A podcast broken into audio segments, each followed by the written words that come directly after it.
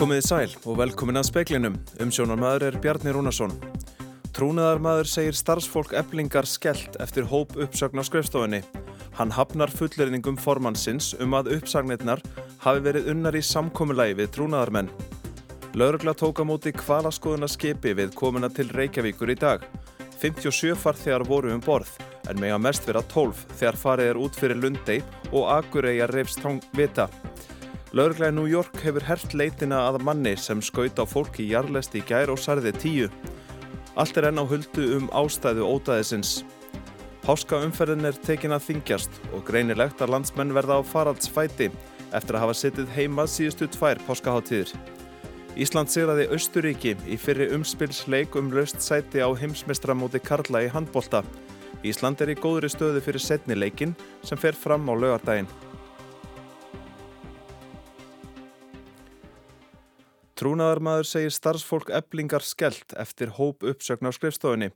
Solveig Anna Jónsdóttir, formaður, saði við fréttastofu í dag að uppsögnin hafi verið unnin faglega og eftir samkomiðlag við trúnaðamenn. Þessu hafnar Gabriel Benjamin, annar trúnaðar, trúnaðarmaður eblingar. Hann segir að uppsögnin hafi verið einhliða ákvörðun stjórnar eblingar. Þá furðar hann sig á því að starfsfólk hafi fyrst heyrt um uppsögnina í fjölmjölum. Starfsfólk er virkilega skellt.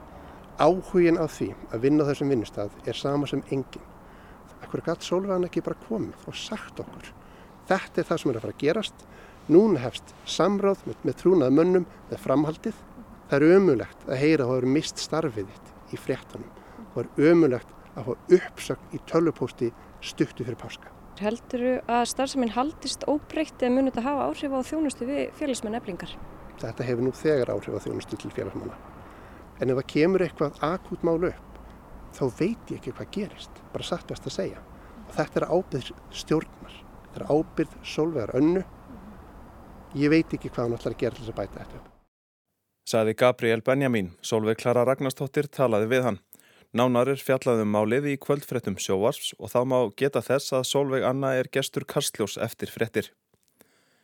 Landhelgiskeslan og lögregla hafa ítrekkað haft afskipti af siglingum kvalaskoðunar skips frá Reykjavíkurhöfn.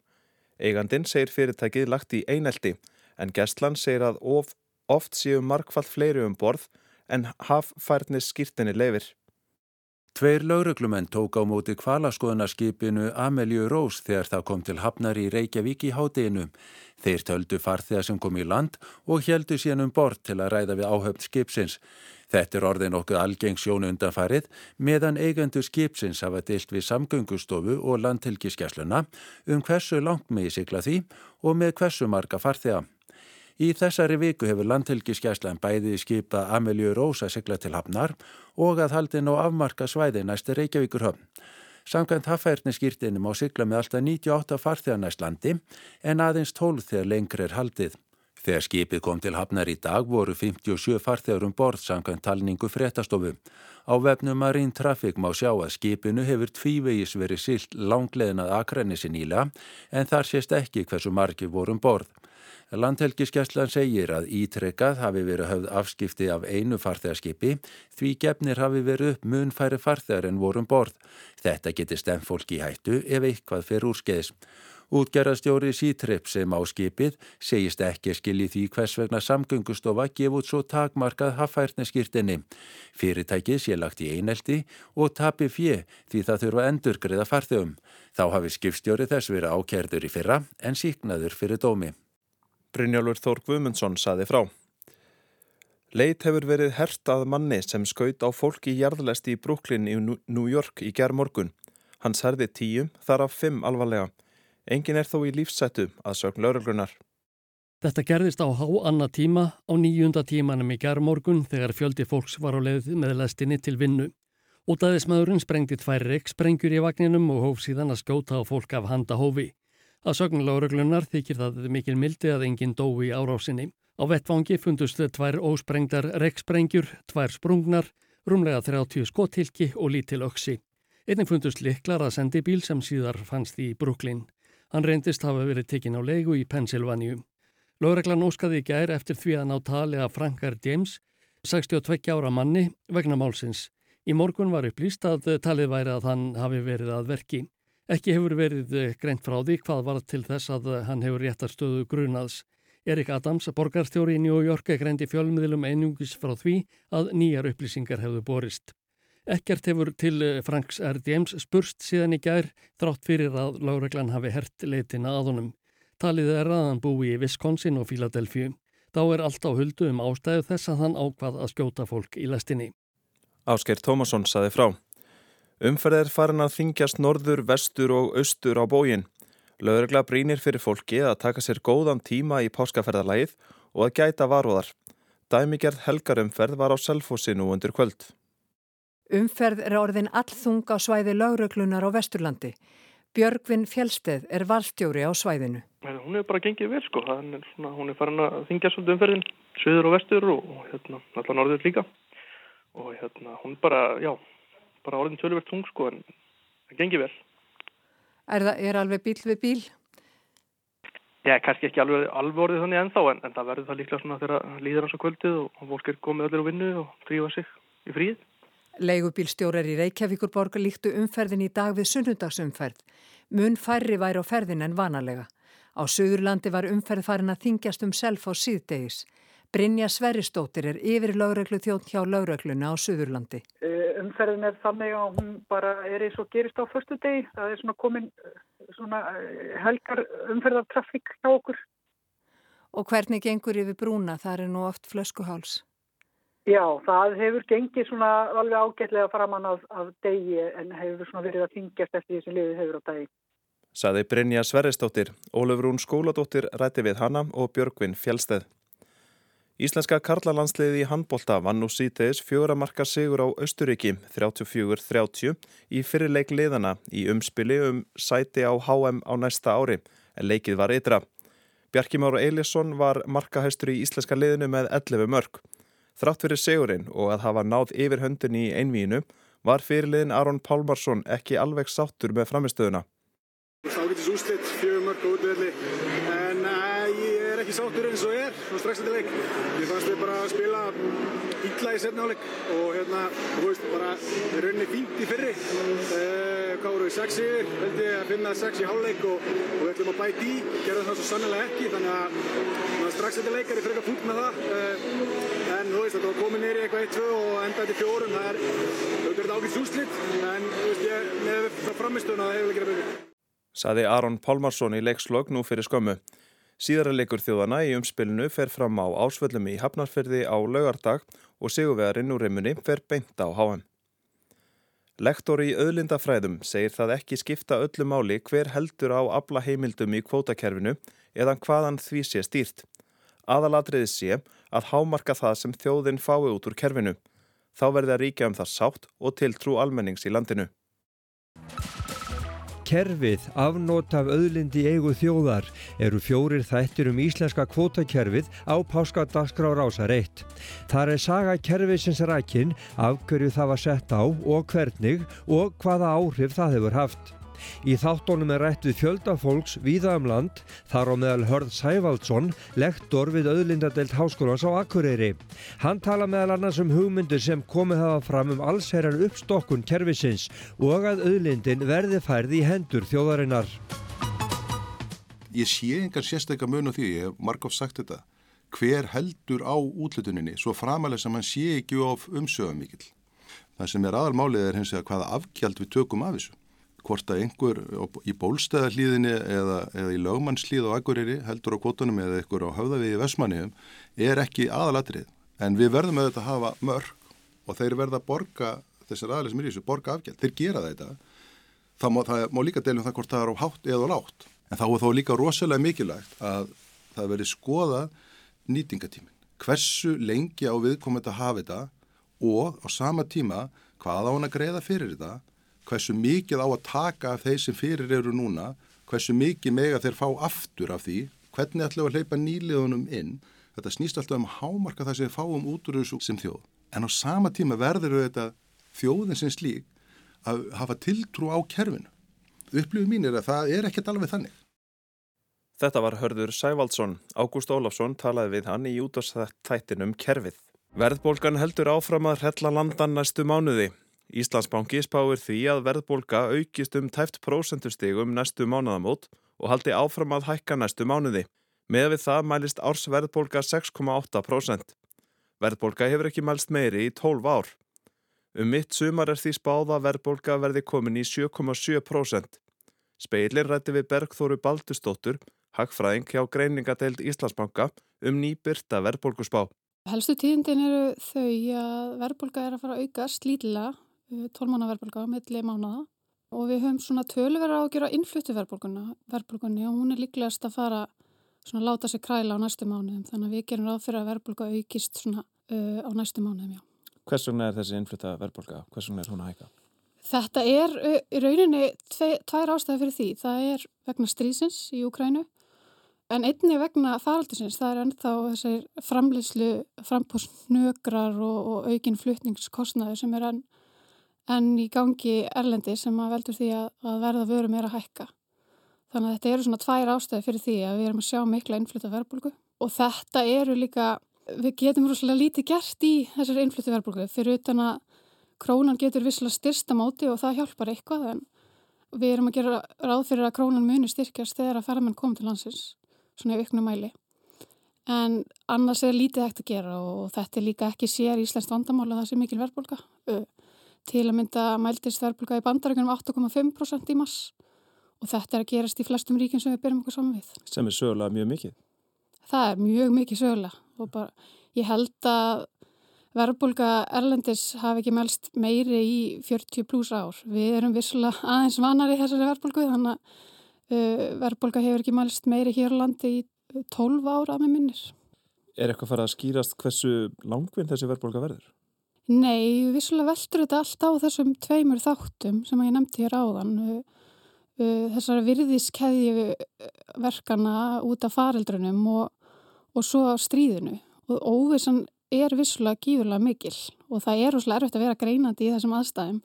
Fyrst þá skellur á faraldur sem enginn gerir á fyrir eða mjög fáir og svo, svo þetta stríð og, og þetta verður þessum aldandi að það er óslega erfitt að spá fyrir um bara næstu mánuði. Mm -hmm. um, við erum hins vegar svona bjarsín á að verðbólka takja hjáðuna mjög hægt uh, frá miðju sumri en fara ekki hjáðuna neinu verulegu leiti fyrir næsta ári. Sem er það út af ferðamannaströmmnum eða? Í rauninni er það vegna þess að uh, hækkandi íbúðverð það er svona að fara að hæja á íbúðverðshækkunum og það vegur rosalega mikið móti innfluttuverðbólkunni og það getur alveg hjálpa gífulega til og svo vonum við að það leysist úr sem frambóðsvanda og, og einni úr stríðinu að þess að verðhækjana erlendis svona rói sig. Hvað bendir til þess að íbúaverð sé að fara að, að hækkunin sé að fara að minga? Það sem við erum að býða eftir er frambóða nýjum íbúðum og það er alveg ljóst að uh, það þarf frambóða nýjum íbúðum til þess að annað þessari eftirspyrt sem er til staðar um, og í rauninni erum við bara að býða eftir því til þess að, til að sjá þá íbúaverð hæja á sér og og lókan komast vonandi í eitthvað jafnvægi og við gerum ráð fyrir að það verði á næsta ári. Maður sér það á yfirferðinni hjá okkur á tólmánaða breytingu markasverðs í bórhúsnæðis. Það hefur hækkað ansi, ansi hressilega senasta árið. Er þetta það sem þið búist við áfram? Sko já og við erum að gera ráð fyrir að íbúið haldi áfram hækka næstu mánu. Einfallega vegna þess að það er rosalega mikil eftirspunumarkanum og það hefur aldrei verið eins lítið frambúð.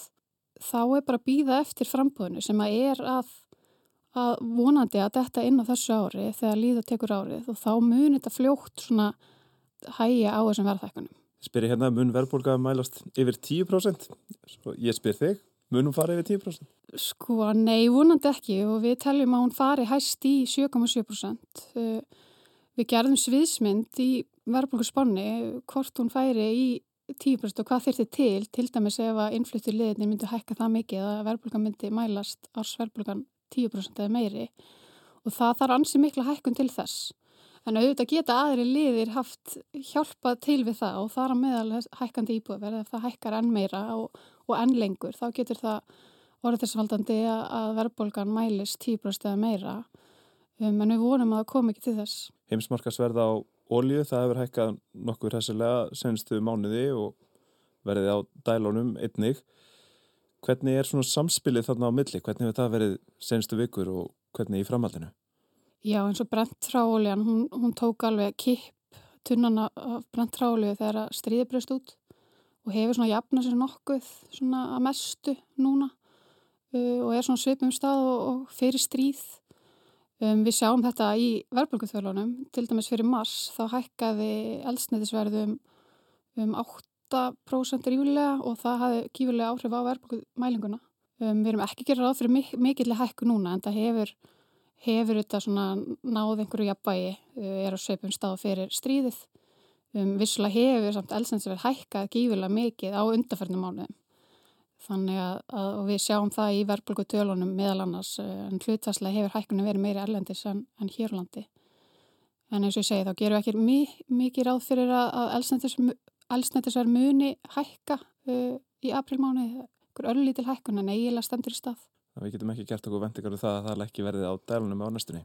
Nei, uh, til að mynda segja erlendi sérfræðingar á markaði að það er mjög ólíklegt að, að elsnættisverð sé að fara að lækka og og það verður líklegast ennþá áfram hátt um, en vissulega er óvisa hvað það varðar og það veldur svolítið á stríði uh, og hvernig bara framgangur þess og, og eftirkvæmst sem þetta stríði hefur. Við komst ekki lengra. Bergþóra Baldurstóttir, takk hjá það fyrir komuna í speilin. Takk fyrir mig.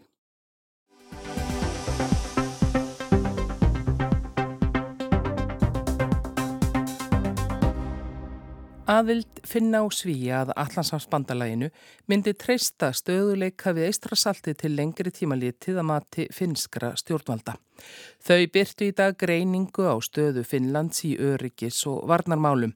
NATO aðild er þar talin draga úr líkum á því að á Finnlandir þið ráðist og hafa meiri fælingarmátt en varnarbandalag með svíjum einum. Stríðið í Úkrænu er sagt ógna öryggi og stöðuleika í allri Evrópu. Pekka Havistó, utanrikistar á þeirra finna, sagði í dag að staðan hefði aldrei verið jafn viðsjárverð allt frá lokum kaldastriðsins. Bæði Sanna Marin, forsættisar á þeirra Finnlands og Sáli Nínistó, forsættilandsins, hafa sagt í dag að þetta verði ljóst mjög fljótlega líkast til fyrir lok mæ. Meiri hluti finna segist nú fylgjandi því að sótt verði um aðelda NATO. Tapjó Koivukari, rittöfundur og þýðandi, segir að þetta hafi gerst smán saman en vissulega hafi innrás rúsa í Úkrænu haft áhrif. Finnar hafi þó lengi verið í samstarfi við NATO.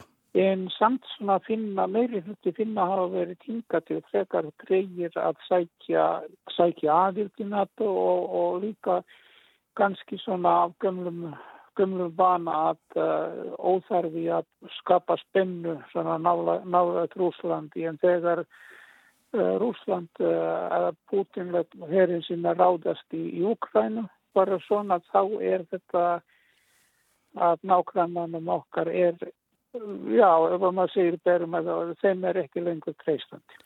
Afstafa finna til Allanshafsbandalagsins tengdist löngum flokkspolítískum línum. Tapjó segir að flokksmenn í Kokumus, finska íhaldsflokknum, hafi verið mest áfram um aðild en vinstri menn verið tregari til. Nú eru meira að segja skvalabálar fannir að tala, tala með ganga í NATO. Þó ekki allir þar en ég hefði alveg bara að svo utarrikismáða ráðfélag okkar Bekka Hafist og hann er eh, mikið kræning í hann og hann er ef það segja að Rúsland hagar sér nú þannig að tekur, Rúsland tekur greinleika meira áhættu og eh, er, hefur jafnveg gefið í skína til getur notað kjarnorku eða, eða efnavopn. Og það segir eiginlega svolítið margt. Og það hefur verið flokkpolítist hingað til en nú eru nú er jafnveg félagsýttiflokkarnir eru, eru að spá, spá í natt og í afturveruljósi. Svíjar eru nánustu bandamenn finna. Áður var freka talað um það hvort að finnar myndu fylgja þeim ef að svíjar sættum aðeldað NATO. En nú eru finnar eindregnari í sinni afstöðu eitthvað er og svíjar frekar hikandi. Magdalena Andersson, forsættistur á þeirra svíja, sagði í dag á fundi með Sönnu Marín að landslægið í öryggismálum hefði ger breyst við innrásina í Úkrænu 24. februar. Jafnaðar menn í Svíþjóð hafa talað um að endur skoða þurfi hlutleysi stefni Svíja. Tapjó telur líkur á að Svíjar fylgi finnum inn í NATO. Svíjar hafa verið svo lengi hlutleysir. Ég held að það, þetta rennaði fyrir þau líka að uh, það eru, nú eru breytið tímar. Svo er uh, þegar Orban fann, fann kostningasýður í Ungverilandi og finnar hafa verið að skoða í Evrópusambandin kokka í hann að að þeir Ungverjaland á ekki skýrita á allast þessar styrkir frá Evrópu það sem er, það, það er svo ábótavand í lífræði hjá þeim og tjáningafélsi. Orban hefur svolítið unnitið þess og nú getur verið að uh, jafnvel Ungverjan það, það myndi meita okkur uh, aðgang til NATO Ekki að það verði endilega svo að ungverjar leggji stein í götu finna. Þá er áallum bjö að mynda varnabandalag með svíum segi Tapjó. En telja margir það enn hættulega augrun við Rúsland að sækjast eftir yngöngu í allansafsbandalæð. Sumir segja það ennþá, en eins og við hefum alltaf verið, verið lengi samt sem að dengt vesturíkjunum og svo er það sem margir það var líka hvort við þurfum þá hugsaum að venda eistrasaltslönd og svona líka en það verður kannski hefða í öllum tilfellum að finna verður að venda vandið sítt fyrst og fremst. Þú munum fá, fá einhver, einhver hjálp og styrk frá Vesturíkjunum hvort þetta er en hversu mikið og hversu ofinbyrjuleika það, það fyrir náttúrulega eftir náttúrulega aðeins líka. Saði Tapio Koivukari Anna Kristín Jónsdóttir talaði við hann.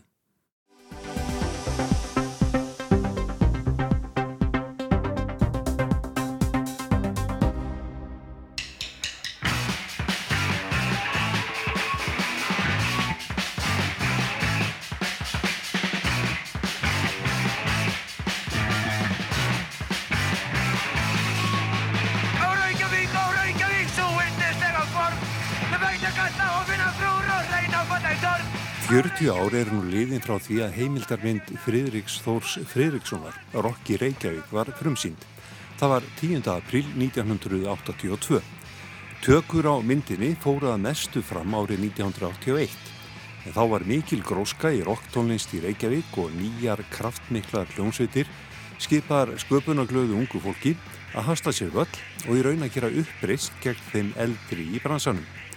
Myndin þótti grípa vel þá stemningu sem var á meðal ungs fólks á þessum tíma og til að minnast 40 ára ammælismyndarinnar og tónlistarinnar í henni verður Rokkland Ólars Páls Gunnarssonar á Rás 2 á Páskadag til engað Rokki Reykjavík. Og annan í Páskum, einni á Rás 2, ætlar Þorstein Rekviðsson eða Þossi að fjallum eftirkvöst og áhrif myndarinnar. Speillin fekk óbúslegt leifi hjá Ólapalland til að spila brot úr viðtönum hans við Fridrik Þór, Eithór Arnalds úr Tappa Tíkaras, Ragnhildi Gísladóttur úr Grílónum og Sitrik Baldursson úr þeim um myndina Rokki Reykjavík.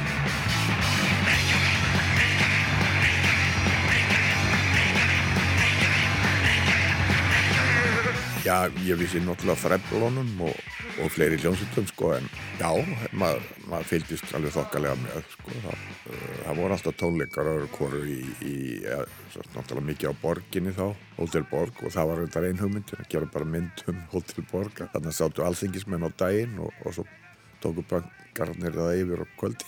Þannig að þetta var, var alveg fullt að, að falla um flötum á svona mynd sko. Maður hafði náttúrulega séð þessar myndir svona eins og Monterey Pop og Rolling Stones myndina hérna, þetta voru svona kannski fyrirmyndinar nei, svo áttum maður náttúrulega ekki vona á að fá svona hljómsveitir eins og Tappa Tíkaras og, og, og svona sem, sem krytta myndina mikið sko.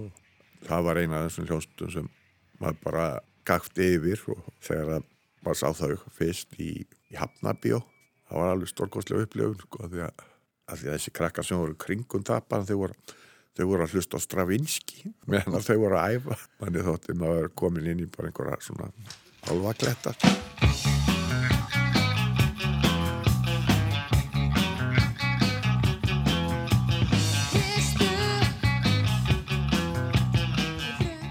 og við erum svolítið eins og beljur af vori og tappi díkara sem að Frýrik var nú að segja skemmtilega frá hennan hérna er að mörguleiti eftir að higgja svona, svona krútbönk við erum svona, svona krútfötum og og, og erum með alls konar skrítna hljóma og, og skrítna takta inn í, inn í lögunum og það er alveg rétt, við vorum búin að vera í tónlist bæði Björk og, og við frá því við vorum börn. Og við ákvæmum bara að mixa þessu öllu saman, blanda saman ólíkum hlutum, þannig að við erum ekki beinlinis hluti af bresku punkbylginu, við erum meira svona afsprengi hennar og svona einhvers konar uppbreyft gegn þessu austur-evróska andurslótti sem einkjandi Ísland.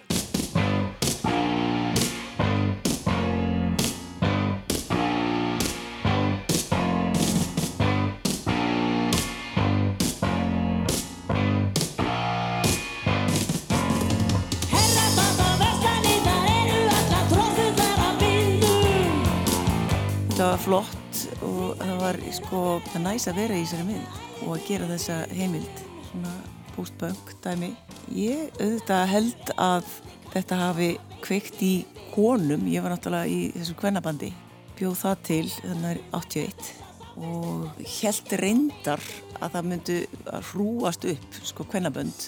Sko við vorum náttúrulega bara að sann okkur sem sko tónlistamenn. Ekki bara söngkona eða ég er tónlistamöður veist, og við vorum að semja lög og gera okkar lög og höfum áhrif í þessari líka hvern réttindastefnu og það var bara stort mál og þetta er bara hluti af því í þeirri sög og að það sé sjálfsagt mál að við séum þarna með og það var alltaf hugsunin. Og ég held að, að þegar kemur svona stór mynd eins og Rokki Reykjavík þá hefur það auðvitað áhrif, allir eru að fara á þessu mynd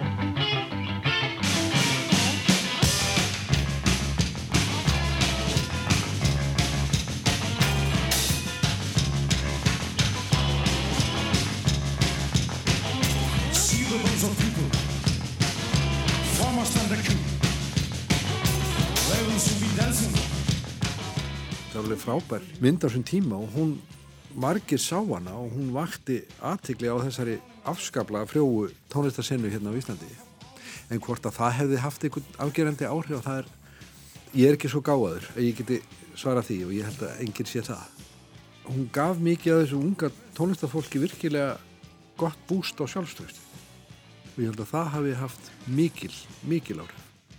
Það er eitt sem hún hefur skemmtilegt að hún sem tengist ymitt öllum hugmyndum um velgengni og, og, og frama og hún, þetta gengur svo oft mikið út af það að vera á réttum stað á réttum tíma.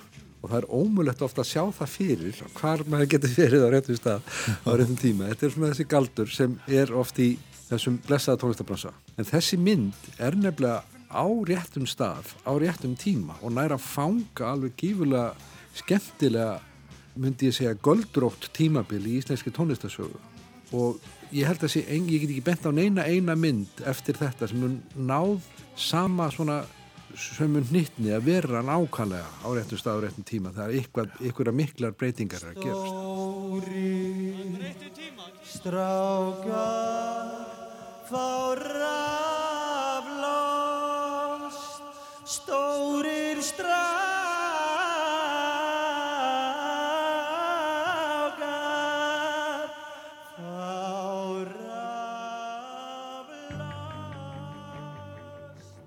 Þennan pistilum Rokki Reykjavík tók Kristján Sigurjónsson saman. Rettur að minna á Rokkland á páskadag. Þar verður fjallað um kvikmyndina sem á 40 ára afmali um þessar myndir. Það var held í fréttum í kvöld að trúnaðarmadur segir starfsfólk eblingar skellt eftir hóp uppsögn á skrifstofunni. Hann hafnar fulleriðingum formansins um að uppsagnirnar hafi verið unnarið í samkomulagi við trúnaðamenn. Lörgla tók á móti kvalaskoðunar skipi við komuna til Reykjavíkur í dag. 57 farþegar voru um borð en mega mest vera 12 þegar farið er út fyrir Lundei og Akureyjar rifsvita. Lögurglæði New York hefur hert leitin að manni sem skauta á fólki jarlæst í gær og særði tíu. Allt er enn á huldu um ástæðu ótaðisins. Páskaumferðin er tekin að þingjast og greinilegt að landsmenn verða á faraldsfæti eftir að hafa setið heima síðustu tvær páskaháttíðir. Ísland sigraði Austuríki í fyrir umspilsleikum löst sæti á heimsmestramóti Karla í handbolta. Ísland er í góðri stöðu fyrir setni leikin sem fer fram á lögadaginn. Fleira er ekki í speklinum í kvöld. Tæknimaður var Magnús Þorstein Magnússon. Frétta útsendingu stjórnaði Ingeborg Sara Guðmustóttir. Speilin fer nú í páskafrí og er næst á dagskrá á þriðudaginn. Verið sæl og hafið það gott um páskana.